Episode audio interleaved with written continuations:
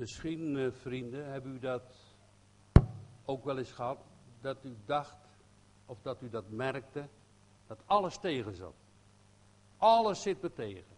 Niets lukte er. Allemaal moeite en zorgen, het ene probleem over het andere, nog meer problemen.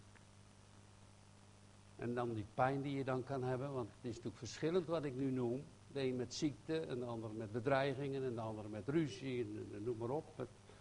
alles zit tegen. Je had een plan gemaakt soms en je wilde wat gaan doen en het zat toch allemaal tegen. Het, het, het, het lukte allemaal niet zo. Misschien hebt u dat wel eens gehad, ik heb dat ook wel eens gehad. Gelukkig niet altijd, maar er zijn mensen die uh, zo vaak in, in, in, in veel moeite verkeren. En daar mogen we best ook voor hebben, voor die ander. Dat je daar ook aan denkt. Maar het kan zo zijn dat je dan die pijn voelt en die nood en die eenzaamheid. En eh, wat moet je dan doen? Wat, wat, wat zal je dan doen als alles tegen zit? Je denkt, alles zit mij tegen. Je voelt je soms helemaal alleen in de wereld, dat kan ook nog. Dan heb je dat meegemaakt, dan komt dat er nog overheen. En nou ja, dat, dat, ik weet zeker, dat, ik hoef maar even te wijzen aan, een paar mensen, of, dat, dat is bij u gebeurd. En, en, gelukkig als je dan weer een andere tijd uh, ervaart. Hè? Maar zo kan het gaan in de wereld. En, en waarom? Die waarom vragen, waarom dan? Nou, we gaan eens kijken wat er gebeurde met, met de, discipelen. Die uh, een uh, verlamde man hadden opgericht in de naam van Jezus. En die was huppelende de tempel ingegaan. En toen zijn ze gaan getuigen. Toen zijn ze gaan zien. Al die mensen gaan, zijn gaan letten op, op, op die kreupele man die 40 jaar kreupel was. En die sprong van blijdschap in de tempel. Met in zijn hart Jezus. Mooi hè. In zijn hart was Jezus Christus. Ook zo huppelde hij in de tempel. En toen dachten die mensen. Oh, dat hebben zeker Petrus en Johannes gedaan of zo. Nee, nee, nee, zeggen zij. Dit, dit is gebeurd in de naam van Jezus Christus. En toen zijn ze die hele dag gaan getuigen en prediken in de tempel. Waar die tempel waar de Heer Jezus uitgegooid was. Nou, daar hebben we de vorige keer over nagedacht.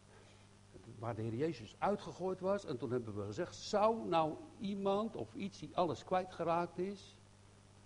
En weggegooid is. Dat je dat nog terugvindt. Weet je? hadden we nog gezegd. En, en als je dan ziet dat de heer Jezus uit de tempel gegooid is. Denk, nou, ze dachten, die komt hier nooit meer binnen. En dan komt die kreupele man daar binnen, juichend en blij. Met in zijn hart de Heer Jezus. Dus de Heer Jezus komt overal waar hij wil komen. Hij, hij kan niet tegengehouden worden. Dat is het mooie. Dat is het geweldige plan van God. Nou, toen zijn ze opgepakt, ze moesten de gevangenis in. Maar even kort. En, en uh, ze moesten ter verantwoording zijn ze geroepen voor het Sanhedrin. Nou, dat weet je dus, zeg maar de rechtbank. Hè. Het Sanhedrin in uh, Jeruzalem, waar de hoge priester bij was, de farisees schriftgeleerden, de ouderlingen, de Sadduceeën. Ja, ze konden er niet omheen dat die man dus genezen was. Dat was een getuigenis. Het hele volk loofde God. Maar ze verboden ten strengste, en dat was een soort wet dan ook, hè? Dus wij moeten ons ook aan de wetten houden. Er was een wet in Israël, ze hadden heel veel macht, heel veel te zeggen in dat Joodse gebied. Uh, de Joodse tijd toen, rond die tempeldienst. Uh, wij hebben de politie en de regering, maar dat was daar werkelijk toegespitst uh, voor, die, het Joodse volk op de, op de tempel. En de fariseeën, de schriftgeleerden en de hoge priester. En ze verboden strengelijk dat ze nooit meer in de naam van Jezus zouden preken. Of spreken of verkondigen. Zo. Nooit meer. Weg met die naam. Nou, God laat zich niet tegenhouden. Nooit meer. Dat, dat was de bedoeling. Dat is de macht van de duisternis. Die Jezus uit wil bannen uit de wereld. Het gaat nog steeds door hoor. Het is nog steeds aan de hand. Gebeurt nog steeds. Dat lukt niet. Zal ook nooit lukken. Zijn naam.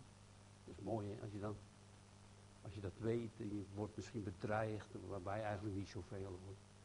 En je wordt bedreigd en, je, je zingt dan in je hart, zijn naam moet eeuwig eer ontvangen. Men looft hem. tegen alle geboden in. Tegen alle machten in. Soms ook tegen je eigen hart in. Tegen de zonde in. Hij is het. Die voor mij aan het kruis hing. Dat zal ik met al die weldaden hem teruggeven. Nou ja, dat, dat, dat is dan het verhaal. En dat komen ze dan vertellen. Die, die apostelen, zijn twee zijn ze losgelaten. Ze bleven dus niet in de gevangenis. En die, die kreupele man was er ook bij. Dus ze stonden daar met z'n drieën voor die rechtbank. Een nacht in de gevangenis. Ze worden losgelaten. En dan gaan ze terug naar de discipelen. Naar de ouderlingen. Naar de apostelen. Nou, daar, daar begint de schriftlezing. Handelingen 4, vers 23. Ze zijn losgelaten. En ze komen naar de hunnen, dus dat zijn de andere christenen. En ze vertellen wat de overpriesters, de ouderlingen, tot hen gezegd hadden. Ze hebben verteld, we mogen niet meer praten in de naam van Jezus Christus. Niet meer spreken.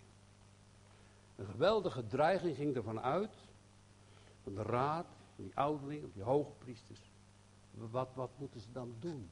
Diezelfde vraag die ik al net aan, aan ons stel. Alles, er zit, alles zit dan tegen. Ja, zo, zo, zo, gaat het niet, heb ik ook wel eens gezegd. Heren, zo, zo kan ik niet verder. Wat, wat doe je met je problemen? Laten we er eens over denken. Ja, uh, in het algemeen doen we dit. Als je dus in omstandigheden zit en je hebt allerlei problemen rond je heen, dan, ja, dat komt daardoor. Dat is, soms geven we anderen de schuld. Soms geven we soms God de schuld. Niet zo vaak jezelf de schuld. Maar goed, dan gaat het over de schuldvraag. Hoe het nou komt dat het bij jou misgaat. Het is niet zo handig om een ander de schuld te geven, want jij zit in die situatie. En de schuld geven, dat lost niks op. Maar wat dan wel te doen? En, en, en dat, u weet het toch wel, wat ik nu ga zeggen. Dat je naar God gaat en vraagt, Heer help mij. Heb je dat wel gedaan? Heb je dat wel gebeden? Is er toen veel veranderd? Nou, soms wel, maar soms ook niet. En dan denk je, waarom? Soms is er wel veel veranderd, maar soms ook niet. Soms is er wel wonderen en, en dingen gebeurd dat je denkt, hè, dank u wel. Maar soms ook niet. Waarom? Waarom nou niet? Zoeken we dadelijk daar een antwoord op. Als ik niet vergeet, moeten we daar toch even op die waarom-vraag kijken en nadenken waarom. Waarom hier? Laten we het maar bij het woord houden. Waarom blijft dat doorgaan? Het is, is niet veranderd, die dreiging. Lees maar verder. Lees maar verder al die dreigingen. En, en het wonder is dat aan het einde van het boek Handelingen, waar al die dreigingen in staat, staan van Petrus, van, van, van, van Jacobus met het zwaard gedood en, en, van, van Paulus, het laatste staat, en ze verkondigden het evangelie ongehinderd. Dus ze hebben op God gezien. God had dus hen een opdracht gegeven, die apostelen, die discipelen. Hij had hen gezegd, als ik nu dadelijk opvaar naar de hemel, dan zijn jullie mijn getuigen. En jullie moeten het evangelie verkondigen over heel de wereld, aan alle creaturen. Aan een ieder. En als je dat evangelie gaat verkondigen aan alle creaturen, dan kan je dus dat niet, oh, dan, dan kruip ik maar weg. Dan ziet niemand me. Nee, dan moet je openbaar gaan verkondigen. Want hij zegt, gij zijt het der aarde. En licht, het licht der wereld, een stad op een berg, die kan niet verborgen blijven. Dus, dus als je het evangelie gaat verkondigen, dan kom je openbaar. En, en als het openbaar komt uit een christenhart, en het komt uit het hart naar de echtheid van het woord, dan merken de mensen dat op. En als je leugens vertelt, nou, sommigen stappen daar ook wel in, maar dan wordt het ook wel vaak nog wel opgemerkt. Maar er is dus een grote weerstand. Er zijn grote krachten, die zijn nog steeds aan de hand. Die, het is dus niet veranderd wat dat betreft. Waarom? we kijken eerst verder wat ze deden. En als ze gehoord hadden wat die twee apostelen hadden gezegd, Petrus en Johannes, en of dat die kreupelen erbij was, staat hier niet bij, maar in ieder geval wat er daar gebeurd was. En er staat in mijn oude Bijbel, zij hieven hun stem op. Dus ik, ik vertaal het zo, ze riepen met z'n allen als één gebed tot God. Dan gaan we kijken wat ze hebben gebeden. Wat, wat baden ze nu? Welke woorden gebruikten ze? Die staan in de Bijbel van hun gebed. En ze hieven dus samen, dus er was één gebed. Ja, natuurlijk waren ze wel verschillend. Ja, daar vissers, maar er was ook een Levi, een tollenaar. Er, er waren zonen Bo en Nergens en Petrus, en, allemaal verschillende mensen, maar ze hadden toch één gebed. Dat is mooi. Als je de eenheid ervaart in de gemeente. Eenheid onder elkaar. De liefde onder elkaar. Dat is een kracht. Waar tweedracht is, woont de Heer niet. Waar ruzie is en jaloezie, gaat de Heer weg. En, en dat was hier dus niet. Hier zitten ze allemaal met hetzelfde probleem. Ze hebben allemaal de opdracht gehad van de Heer Jezus om te gaan getuigen in de wereld. En, en dat mag dus niet meer. Wat gaan ze doen? En, en dan gaan ze die geweldige getuigenis, waar we uh, ook in de wet van God van hoorden. Ze hieven hun stem op dus tot God. Here, gij zijt de God die de hemel en de aarde gemaakt heeft. U bent de schepper. De hemel, de aarde. En niet alleen de aarde, maar alles wat erop is. De bomen, de planten, de dieren, de kleuren, de mensen. En ook in de zee. Alles wat in de zee is. Dat zegt al zoveel. Want er is het verriemelende gedierte waar nog beesten zijn en vissen zijn en, en, en allerlei heel diep onder water nog, die ze nog nooit ontdekt hebben. Wat hebben u gemaakt? U, het is van u. En, en, wat gebeurt er met uw schepping? Is die schepping nu gemaakt tot eer en lof van u of tot een vloek naar u? Als je dus de dampen van de uitlaatgassen en alle industrie zou zien, en vooral ook hier in het westen, dan zie je van satellieten een hele rode gloed. Maar wat dacht je wat er voor een verschrikkelijke, boze, machtige, verschrikkelijke, goddeloze woorden opgestegen worden naar God vanuit deze wereld. Een gevloek. En een tekeer gaan. Terwijl God die hemel en de aarde gemaakt heeft. Terwijl die mensen die daarop wonen naar Gods beeld geschapen zijn om goed te doen en God te loven en voor alles te zorgen en voor de natuur en voor de dieren. En waar geen gebrek zal zijn en liefde en trouw en geen gebrokenheid van het leven, wat wij allemaal meemaken, geen dood ook, is het wel allemaal gebeurd. Door de zonde in de wereld. En dat zijn machten. Die machten die, die zijn in deze wereld de macht van de duivel. En waar de mensen ja op gezegd hebben om die keuze te maken. Niet van de almachtige God.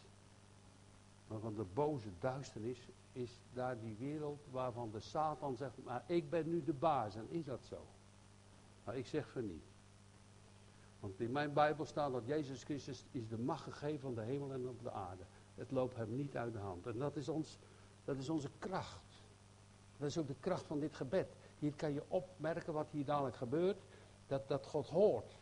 Maar hij wil, je kan zeggen, nou ja goed, God, doet dan alles. En dat je helemaal stoïcijns en alles over je heen laat komen. Nee, hij wil ook dat we hem aanroepen. Hem bidden. Aan zijn jas trekken. Dat is mooi hè, als je een vader bent, is vandaag vaderdag.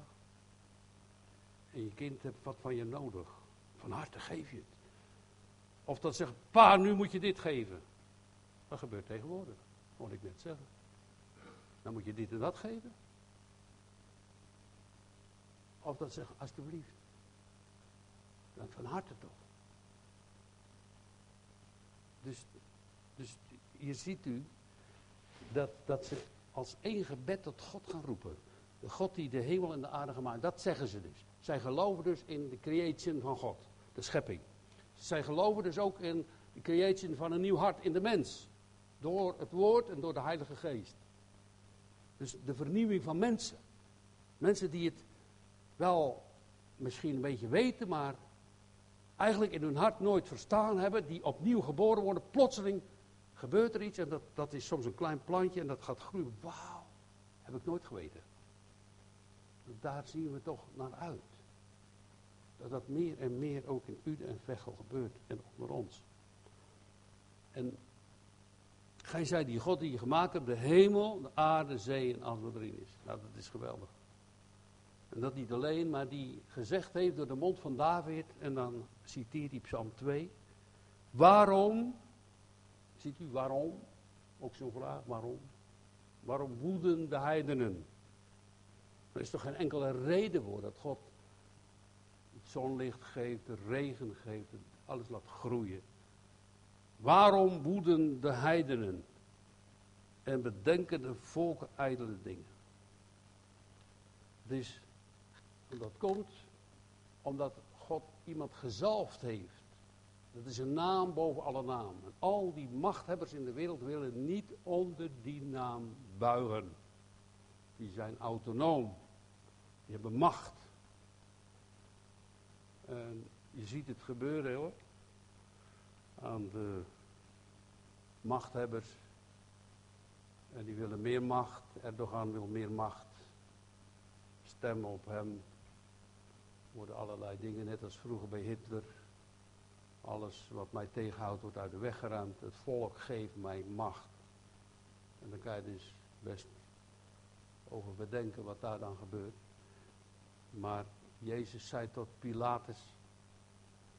Ja, zegt hij, ik heb macht om u los te laten, zegt Pilatus. Ja, zegt de heer Jezus, maar die macht heb jij van boven. Dat is toegelaten door God. Dus dat is ook met al die mannen zo. Dat weten ze niet. Maar God gaat door al die dingen heen en door al die machten heen, gaat hij zijn woord vervullen. Hij gaat het precies doen wat hier staat. Gaat hij allemaal uitwerken snappen we niks van. Gaat hij allemaal doen? En als je dan allemaal leest, dan denk je, nou, dan schrik ik toch. Maar dat hoeft helemaal niet. Als je maar gelooft in Jezus Christus. Als je met hem gaat, dan baant hij ook de vrees uit je hart weg. Je mag zien op zijn werk, op zijn verdiensten, zijn liefde, zijn trouw. Dan ga je met je kinderen, als je een kind hebt, of met Michael, ga je naar de troon van God. Heer, alstublieft. Help mijn jongen, toch? Nou, dat gaan ze doen. Waarom woeden die heidenen? Die heidenen die gaan keren tegen uw gezalde. Dat zeggen ze zo mooi, hè? Uw heilig kind Jezus. Mooi is dat. Waarom doen ze dat tegen uw gezalde, uw heilig kind Jezus? Die, die kwam om alleen maar goed te doen. Doden op te wekken. Gaf het licht aan de blinden. Hij richt de kreupelen op. In de naam van Jezus Christus is die 40-jarige kreupelen ook nog weer opgericht. Dat is door zijn kracht en door zijn verdiensten. Mensen zeggen, we deden dat niet in eigen kracht. Maar wij deden dat in de naam van Jezus Christus. Dus dat is geweldig. Leest u toch eens thuis ook Psalm 2. Waarom moeden de heidenen en bedenken de volken ijdelheid? Die machten die ze tegen hem opstellen. En hij zal ze, zo staat het er, Blijf je ermee doorgaan? Ik zal ze verslaan als een pottenbakkersvat. En hij roept op in Psalm 2 van David. Koningspsalm. Hij zegt, kus de zoon. Wie is dat? Nou, dat is toch Jezus toch? Kus de zoon. Kust mijn zijn voeten. Hang aan hem. Heb hem lief. Vraag een zegen van hem. Leef uit zijn kracht. Wees een schaap van de goede herder. Prachtig toch? Ben je nooit alleen. Je bent nooit alleen. Denk je soms. Ben je nooit alleen. Hij is altijd bij je. Ga weg met die wereld. Geef mij Jezus. Was een man. Die. Uh, was een prediker en die, komt een, een, boer, die gaat naar zijn gemeente toe. En die had een, een heel mooi groot stuk land uh, gekocht. En hij zegt, dominee, ga eens mee en dan gaan we naar dat stuk land kijken. Mooi stuk land, gaan we dan bekijken hoe het eruit ziet. Maar ja, hij was in gebed, die dominee. Die dominee had nog wat, wat noden en verdriet. En toen zegt hij tegen die man, ene kus van Jezus mond, daar geef ik al, daarvoor geef ik al die zwarte grond. Het ruimde nog ook. Ene kus van Jezus mond. Dat is geen Judaskus hoor. Dat is een kus uit liefde. Zo lief heeft God de Vader ons dat hij zijn enige geboren zoon gegeven heeft. Opdat ieder die in hem gelooft niet verderven. Zo hangt Johannes, de apostel de liefde, aan zijn borst. Ja. Nou, dat is Psalm 2. Ik ga het thuis lezen, mensen. Ze bedenken ijdelheid. Maar wil je niet naar hem luisteren? Zo is het echt hoor. Al die tegenstanders, die kunnen met een wenk van Gods almacht, want daarom hebben wij de getuigenis, moet doorgaan in de wereld. Dan maakt hij ze van vijanden, maakt hij vrienden. Dat Paulus ook. Nou, en, en dan staat hier nog, en de koningen der aarde, moet u voorstellen, de koningen van de aarde, u, weet toch wel dat al die landen die willen macht. Hè? En de een wil meer macht dan de ander. Dus ze vechten vaak tegen elkaar in politieke zin, in economische zin, maar ook in militaire zin. Ze vechten tegen elkaar en ze proberen elkaar, eh, nou ja, soms, uh, welkom hoor, gaat u maar. Ze, ze zeggen wel soms van, nou we zijn goed voor die ander, maar ze, de, koningen die, die, die hebben zo vaak strijd. Dus je moet toch niet denken dat de Romeinen en de Joden in die tijd op één stoel zaten. Natuurlijk niet. Want een tollenaar die werkte voor de Romeinen, nou, dat was de verschrikkelijkste landverrader die je maar kon bedenken. Een tollenaar, dat was een Joodse man, die zat dan, hè, dus die werkte voor de Romeinen. Maar hier staat dat al die partijen zich gaan verbinden. Zo, zal het nog een keer gebeuren in de wereld? Ik denk het wel. Dus al die machten en al die machthebbers, en dan kan je dus ook heel vroom zijn en heel vroom doen, maar zonder Jezus heb je niks. Dan kan je heel je vroomheid gooien alstublieft overboord. En alle werken der wet om die te vervullen, red je niet. Dat betekent niet dat wij prediken dat je zomaar aan kan zondigen. Maar daarin is de zaligheid niet, zegt de schrift. Nou, die, die machten, die gaan zich samen verbinden. Dus toen de tijd waren dat de Romeinen, de heidenen, Herodes, dat is Esau, notabene een, een, een tweelingbroer van, van Jacob. De Edomieten. En de volk Israëls. Ook nog. De, de vrome kerkdienaren die Jezus hebben verworpen. En de heidenen en de Romeinen. En Edom dus, heel de wereld in principe in die tijd. Hebben zich verbonden als één plan, als één macht tegen Jezus. Wat dacht u, als, als, als dat beeld van Nebukadnezar, hè, dat gouden hoofd, zilver, dan krijg je dat, dat koper en het ijzer met leem vermengd en dan die voeten, hè, dat dat beeld overeind komt, dat zich richt in de antichrist tegen God, tegen Jezus komt er een steen af van de berg. De steen die de bouwlieden hebben verworpen. En die vermaalt het hele beeld. Het zal gebeuren. Psalm 2. Waarom? Vrees niet deze verschrikkelijke dingen. Weten wij, prediken wij. Waarom? Om te laten zien dat hij de machtige is. De almachtige. De schepper van de hemel en de aarde. De koning der koningen. Die u kent, die u roept die u mee wil nemen in zijn plan en in het koninkrijk van God. En nu hebben die apostelen een opdracht gekregen om dat te gaan doen, de hele wereld te bepreken. En, en, en over heel de wereld een getuigenis te geven dat Jezus leeft en opgestaan is uit de doden. En dat hij niet voor niets gestorven is, maar dat hij gekruisigd is om onze zonden. Tot vergeving en vernieuwing.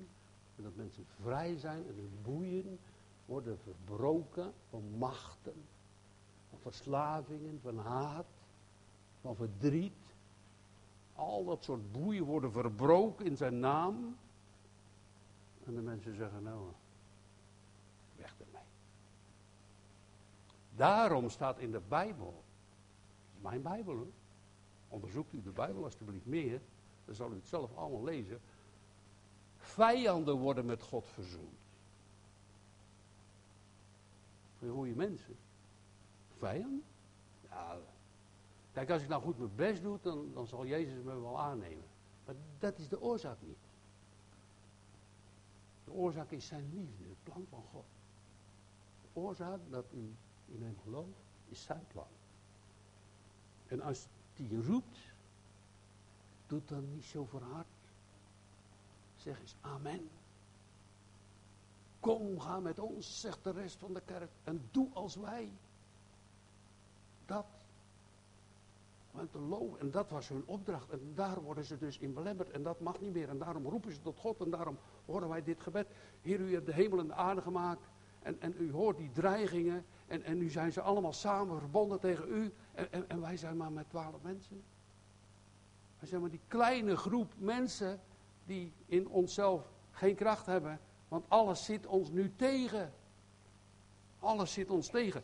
En, en, en, en dat is heel opmerkelijk. Je kan natuurlijk zeggen, nou ja, alles zit me tegen wat die opdracht betreft. Nou ja, het is niet anders.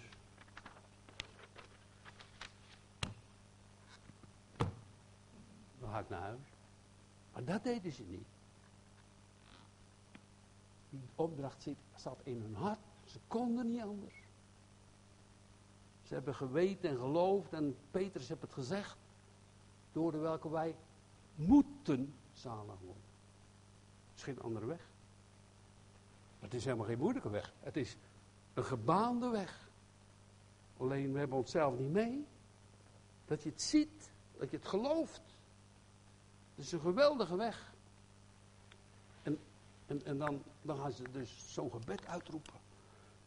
Waarom? Die koningen van de aarde zijn tezamen opgestaan tegen. Opgestaan en bijeenvergaderd tegen de Heer en zijn gezalfde. Ja, hij was met de Heilige Geest gezalfd. Hè? Ja, toen hij opstond uit het water was de Heilige Geest over hem, maar was vol van de Heilige Geest in Jezus. Niet met mate staat er. Want in der waarheid zijn vergaat tegen uw heilig kind Jezus, welke gij, uw God, hebt dat gezalfd bij de Herodes Pilatus, Pilatus met de heidenen en de volk Israëls. En, en, en dan komt er een, een beetje toch een heel apart woord. Want dan plotseling als dat gezegd is en als dat gebed is, bidden ze nog iets anders. En, en daar, daar, moet u even goed op letten. Misschien voor u wel lastig, maar het staat hier wel. Hè? Omdat dus die verbondenheid van die volken, te gaan doen. Alles wat uw hand, o God, in de hemel en uw raad tevoren had bepaald. Dat het ook gebeuren zou. Ja. Dus, dus u had al gezegd, en dat staat ook in de profetie, hè.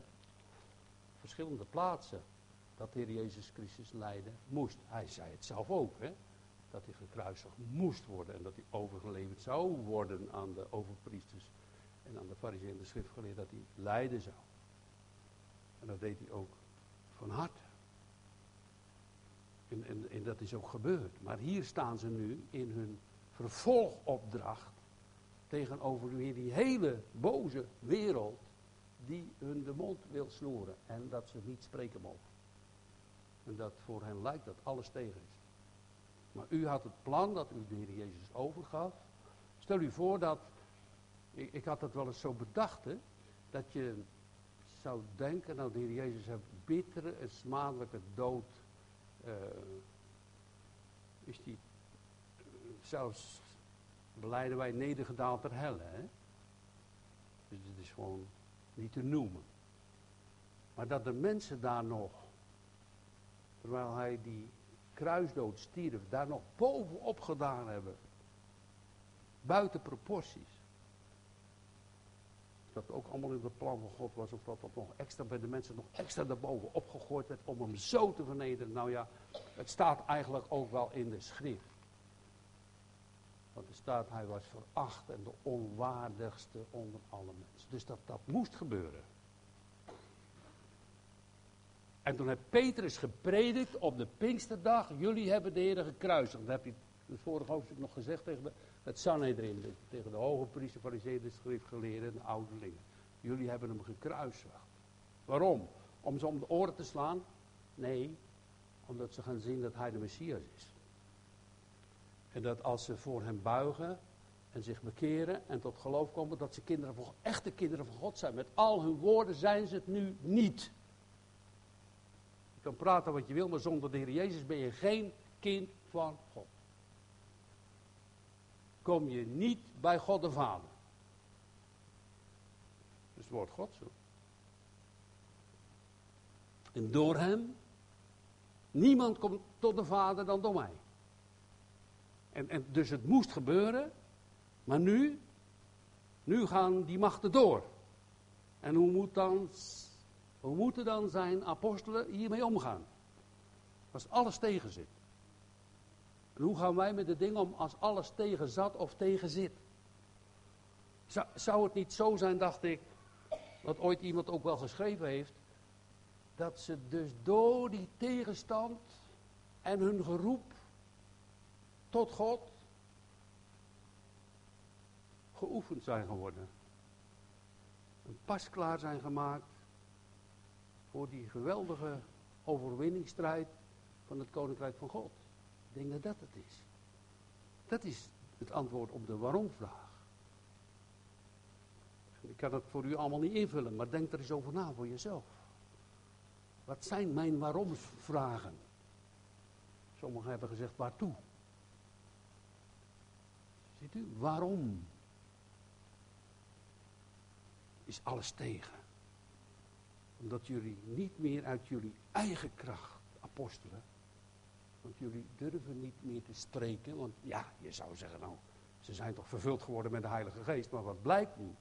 En dat blijkt steeds uit de Bijbel, dat ze steeds opnieuw vervuld moeten worden met Gods Geest. Want, we hebben het ooit wel eens gezegd, we zijn zo lek als een mandje. Je raakt het ook weer kwijt. Het moet weer nieuw worden. Het moet weer aangevuld worden in je hart. En, dat is de realiteit van een christen die als die dus zo bij de dienstweg blijft, of afzwakt, of bijna niet meer bidt, dan, dan heb het geen kracht meer. Dan, dan kom je misschien nog wel naar de kerk. Het zeg je op dat moment niet zoveel meer. Bid dan om Gods geest. En dat gaan ze doen. Dus, dus de waarom-vraag van waarom zit alles tegen? En je hebt het op God geworpen. Kan het zijn dat die problemen niet over zijn, maar dat u gevormd wordt naar zijn wil. Een gelovende mag zien dat hij je thuis brengt. Misschien niet makkelijk, als die problemen niet weggaan. En dat gebeurt bij mensen, hè? Dat gebeurt toch, hè? We kunnen heel hoog van de daken roepen, maar er zijn mensen die hebben heel hun leven zorgen, pijn, problemen, moeite, verdriet. Echt waar. Als het goed met je gaat, mag je wel blij zijn in deze boze wereld. Er zijn gehandicapte mensen, zijn mensen die zijn verlaten, die hebben pijn, die hebben moeite, verdriet, vluchten, allerlei dingen gebeuren in de wereld. Je moet maar een christen zijn. Zullen die christenen daar in Noord-Korea en in China, waar, waar, waar, de christenen vervolgd worden over heel de wereld, zullen die dan al die andere mensen aan gaan klagen? Hebben deze apostelen dat ook gedaan? Van, Heer, alsjeblieft, wil u ze wegslaan? Maar dat lees ik niet. Dat lees ik helemaal niet. Ze bidden voor hun vijanden. Wat een wonder hè, dat je dat kan. Dus ze zijn, als je later in die apostelbrieven leest van handelingen, zijn ze verblijd, dat snappen wij helemaal niet hè, dat ze om de Heer Jezus naam smaadheden hebben geleden. Maar ze blij om. Een teken van zijn liefde. En zo zijn ze gevormd. Het waarom heeft hen gevormd. Want anders ging je dus op die doodlopende weg verder. Als je dat ontdekt bij jezelf, daar zeg ik het voor. Ging je op die doodlopende weg verder? God zegt, oh, ik wil je thuis brengen, joh. Ik wil jou omarmen. Ik wil je dragen. Dat is Gods plan, hè? Een plan van God. Dus ik zei al, laten we kijken naar het waarom. Al die moeilijke dingen. Zoals onze vriend uh, in Sittard is, waar ik van hoorde, dat hij gesproken heeft met een andere, die daar ook is, tot bekering gekomen is. Hoor ik net van onze zuster Josephine. Wat mooi.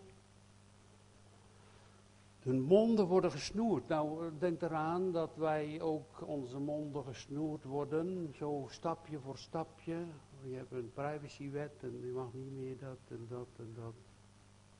Het begin, het begin, en ze weten alles van je, het begin van allerlei machten die tegen het heilig kind Jezus op zullen staan.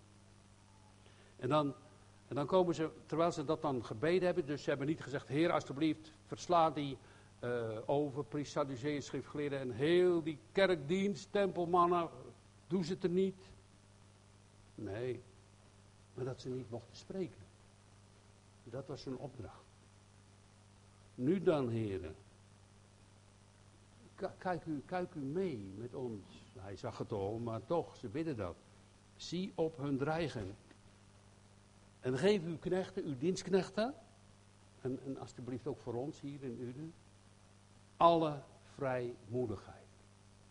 Nou, dat hadden ze wel, maar het werd dus, plotseling was alles tegen. Toen zijn ze gaan bidden om opnieuw die vrijmoedigheid te ontvangen. Ik denk dat je, als je evangelisatiewerk doet, of misschien al praat over de Heer Jezus, dat je van, tevoren altijd uh, bidt, geef mij vrijmoedigheid. Want het is niet zo vanzelfsprekend. Geef mij de goede woorden. Geef mij wijsheid. Dat. En als je dan ziet dat God dat ook geeft. Dat mogen we ook opmerken in uh, verspreiden van de Bijbel op de straten. Dat God soms hele mooie dingen geeft. En zo blij ben je dan als je ziet. Mensen soms, mag ik ook eentje meenemen voor mijn kinderen? Afrikaanse man komt naar me toe. Oh, mooi zeg. Ja, ik ken slecht Nederlands. Heb je voor mij een Bijbel? alstublieft. Ja, mijn kinderen kunnen Nederlands. Ik heb vijf kinderen, maar alle, alle vijf een Bijbel. Mooi toch? En je bidt met die mensen. Mooi hè? Alle vrijmoedigheid. Nota bene. Het beste wat er is in de wereld. De nieuwe hemel en de nieuwe aarde. Waar Jezus zegt, waar God zegt, waar alle tranen van uw ogen afgewist zullen worden. Waar blijdschap is, waar vrede is, door de dood heen. En zijn volk slaapt in. Daar, bij hem. Ik dacht vanmorgen, ja, daar staat in de Bijbel dat over Israël, hè. Er was bijvoorbeeld land Canaan. En daar woonden Filistieten, uh, Filistijnen, allerlei volken. Jebusieten, noem maar op. En er staat in de Bijbel dat de maat van de ongerechtigheid van de Filizieten, de Gebizieten, al die mensen die daar wonen, al die volken, was nog niet vol. Dus de, de, beker van hun slechte daden was nog niet vol. Nog een beetje. En dan komt Jozua. Dat was Gods oordeel. Zo zal het ook gaan met het einde van de wereld. Zo ging het ook in de dagen van Noach. Als de maat van de ongerechtigheid vol is, dan is zegt nou is genoeg. Nou als je dan denkt dat er allemaal niet voor laster. Dus die vuile lucht, hè, op ziet stijgen van uitlaatgas en fabrieken, dat kan je zien op satelliet, ik zei het net al. Maar als je dan die godslastering, ja, hoe, hoe ver zijn wij dan? Want als je zegt, de wederkomst van Christus is 5 voor 12, want dat heeft te maken met de ongerechtigheid. De goddeloze zonde, de afkeer van God, de haat van God en tegen hem. En tegen Gods gezalfde. Te strijden, bewust. Misschien onbewust, misschien onwetend, maar ook bewust dan is die maat vol en hij komt terug. En dan vergaat de wereld niet door water, maar door het vuur. Ja, zegt schrift. En uh, daarom was het de ark. Toen kon je in. Deden ze niet. Daarom is er nu Jezus die de ark is. Met hem ben je veilig. Wat er ook gebeurt. Dat willen ze gaan doen. Dat moeten ze doen. Ziet hun dreigingen, dat mag niet meer. Het beste wat er is, mag niet uitgedeeld worden. Mag niet verkondigd worden. Geef ons die vrijmoedigheid. Niet ons woord. Uw woord te prediken, te spreken, te getuigen. Uw woord. Nou, dat hebben wij. Gelukkig. We hebben Gods woord, hè. Hoeven niks zelf te verzinnen. Je hoeft zelfs nog geen... Stel je voor dat je helemaal niks kan, of denkt dat je kan. Vaak kan je nog veel meer dan je denkt, maar... Je, je weet geen gebed op te zenden. Nou, zullen we zomaar eens even een paar regels van een gebed noemen dan? Ik, ik, ik lees u, als alles hier tegen kan zitten, hè? En dat is dan gewoon een gebed. Dan kan u, kan u lezen, gelijk bidden. Dan het helemaal niet te kunnen. Dat is al voorzegd. Bijvoorbeeld Psalm 139 bij een geboorte. Of hier Psalm 130. Uit de diepte roep ik, o Heere. Hoor naar mijn stem. Laat uw oren open zijn en opmerken de stem van mijn smeken. Als u kijkt naar mij, wie ik ben, wie zal bestaan? Bij u is vergeving. Dat is Psalm 30, 130, dat is voor Christus. Hij gaat gekruisigd worden om die vergeving te werk te stellen. Geweldig. U hoeft niet zoveel, we hoeven niet zoveel. Hij heeft alles volbracht. De goede herder. dacht u nu, als je in hem mag geloven, dat je dan zelf van ene keer al die goede werken op jouw rekening moet schrijven. Zo, oh, goed werk. Zo is het helemaal ook nog niet. Je ziet naar uit naar hem. En die goede werken vloeien voort uit zijn genade. Staat in de schrift. Je roemt. Dat is, dat is zijn naam waard. Hè. Die roemen in die heren. Nou, en dan, dan zien zij terwijl ze dat gebed bidden en aanroepen, ziet de dreigingen, Heer, en, en geef ons die vrijmoedigheid om toch tegen alle wetten en tegen alle bezwaren van heel de wereld in uw getuigenis door te geven. Gebeurt er iets. Gebeurt er iets geweldigs. Ze, ze bidden dan ook nog, niet alleen om het woord, maar ze bidden ook nog dat gij uw hand uitstrekt tot genezing. Dus dat God die genade, gaaf en krachten geeft, dat wij, als wij zeggen in de naam van Jezus Christus, mensen tot genezing komen. En, en die genezing en die wonderen, die staan niet op zichzelf. Die hebben een bedoeling bij God. Dat de mensen geloven. Dat is de bedoeling. Dus niet, oh, oh dat claimen we apart, dan heb je alleen de genezingswonderen en er zijn mensen genezen, dat is dan iets. Nee, dat, dat, dat is verbonden aan het evangelie. Laat het zien, heren, dat wij, als wij die vrijmoedigheid hebben, en, en, en dat ontvangen ze dan ook later, dat, dat zullen we dadelijk zien, maar dat we dan ook wonderen en tekenen dat de mensen dat mogen zien, en nu nog, oh, dat ze zullen geloven. Daar gaat het om. Er zijn mensen die zijn geholpen door, door God, er waren wel tien melaatsen, hè. Nou, melaatsen is een schrikkelijke ziekte, lepra, hè. Tegenwoordig niet meer. Ze hebben daar medicijnen voor gevonden. Er zijn andere, andere, andere, andere ziektes waardoor mensen sterven. Maar toen die melaatsheid waren er tien. Ja, die zijn gewoon weer in dat oude leven verder gegaan, die negen. En eentje kwam terug en die ene was een Samaritaan, die God gaan loven, danken. Die, zijn hart is aangeraakt. Je hebt mensen die komen in het ziekenhuis en die roepen tot God. Of voor hun kinderen. En als God ze dan geholpen heeft. Nou ja, gaan gewoon weer verder oude leven. Dat is de bedoeling niet. De bedoeling van Gods genade en van, van de wonderen die wij ook mogen zien. en van de hulp van God, dat wij in Hem geloven. Als u dat uitsluit, en, en, en zoveel beloftes zijn er gedaan op een ziekbed. Oh God, als u mij hier uithelpt, dan zal ik u dienen. Er kwam niks voor terecht hoor. Niet altijd. Was er eentje bij wel. Misschien wel heel veel, ik weet het niet. Maar denk u daaraan. Dat als God je helpt, dat dat ook een verplichting geeft. Als God met je is, dat je ook bij hem bent. Dat hij je dan roept. Dat je dankt. Dat je eert. Dus ja, ja, u bent er toch. Ik heb al die tegenstand, ik heb al alles. En ik heb ook die verleidingen, maar Oh, oh, oh, maar ik zit zo vast aan allerlei zonden en verleidingen. Maar u kan ze toch verbreken. Zie je dat? Zo mag je toch ook bidden? U kan het toch wegnemen? En God doet het. Als wij in oprechtheid met een gebroken hart wat dat betreft naar hem toe gaan en hij verbreekt het. Wonderen en tekenen, niet in onze eigen kracht, maar door uw heilig kind Jezus.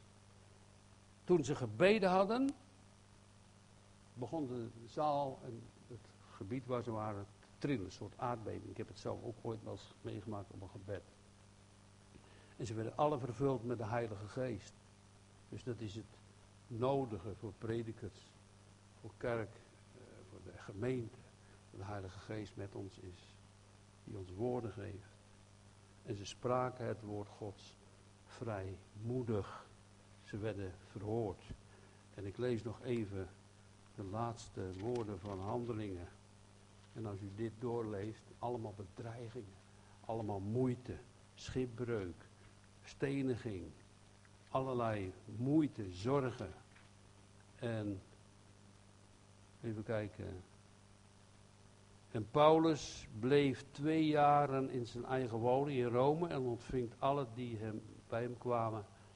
Hij predikte het koninkrijk Gods en lerende de Heer Jezus Christus met alle vrijmoedigheid onvriendelijk. Nou, dat is mooi hè. En, en het is eigenlijk schaamtevol voor heel de wereld en vooral voor Nederland ook. Als wij ons schamen voor Jezus Christus. Dat is een hele slechte zaak. Bid daar dan om dat God dat wegneemt, want dat is niet goed. Als je je schaamt voor de Heer Jezus Christus. Dat kan zomaar in je hart zijn hoor.